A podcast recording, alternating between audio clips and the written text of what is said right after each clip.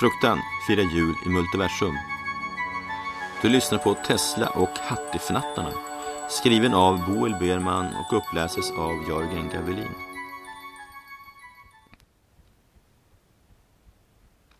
Mannens hår står åt alla håll när han kliver in på den stimmiga baren.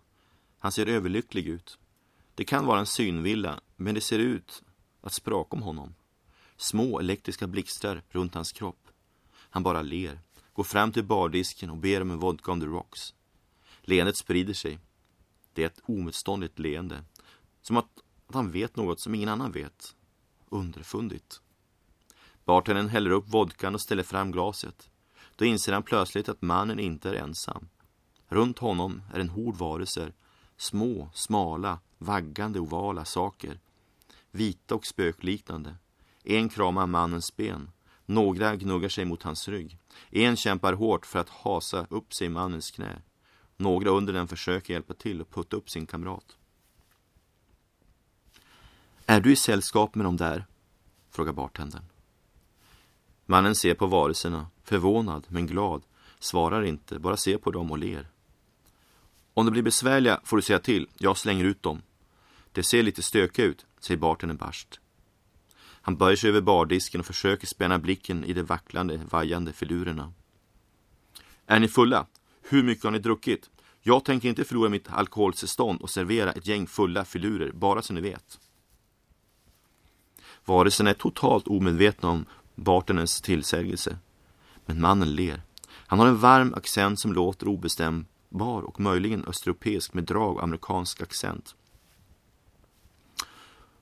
Oroa dig inte, det kommer inte ställa till några problem. Det kan inte prata och det hör inte ett skvatt. Och jag tror inte att du serverar något de här små rackarna vill ha. Jag måste fortfarande ha elektricitet i kroppen, det dras till sånt.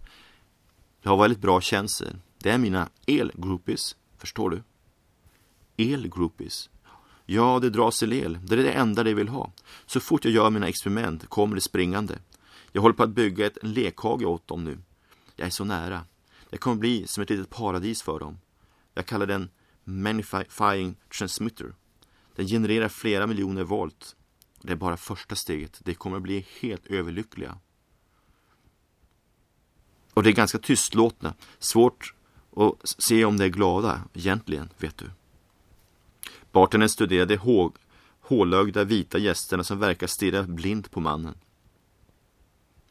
Som om han är det mest fascinerande någonsin jag sett. Det säger inte ett knyst, men det älskar precis samma saker som jag, fast det är kräsna. Högspänning ska det vara, det tar inte vad som helst. Oj vad det älskade elkriget, el överallt som skulle demonstreras. Det sprakade om hela världen just då. Mannen dricker djupa klunkar av vodkan, ser sig omkring och har tårar i ögonen, rotar fram en prickig näsduk och torkar tårarna.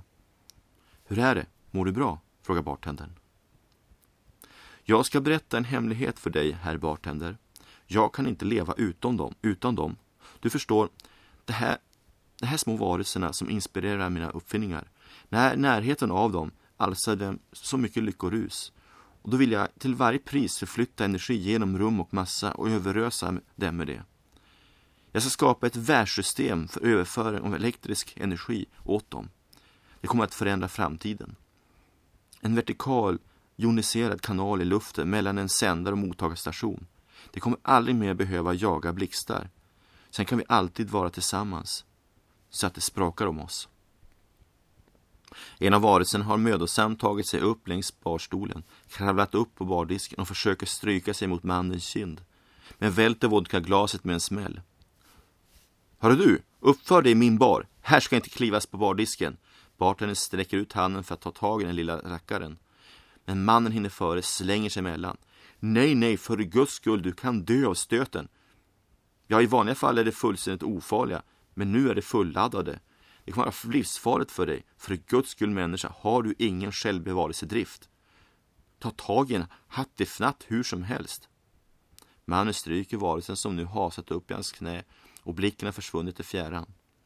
Bartendern ser på mannen och horden med varelserna harklar sig, kliar sig i huvudet och ser sig om i bar med panik i blicken. Och där borta tror jag att det är någon som vill beställa. Ledsen, men vi får fortsätta prata sen.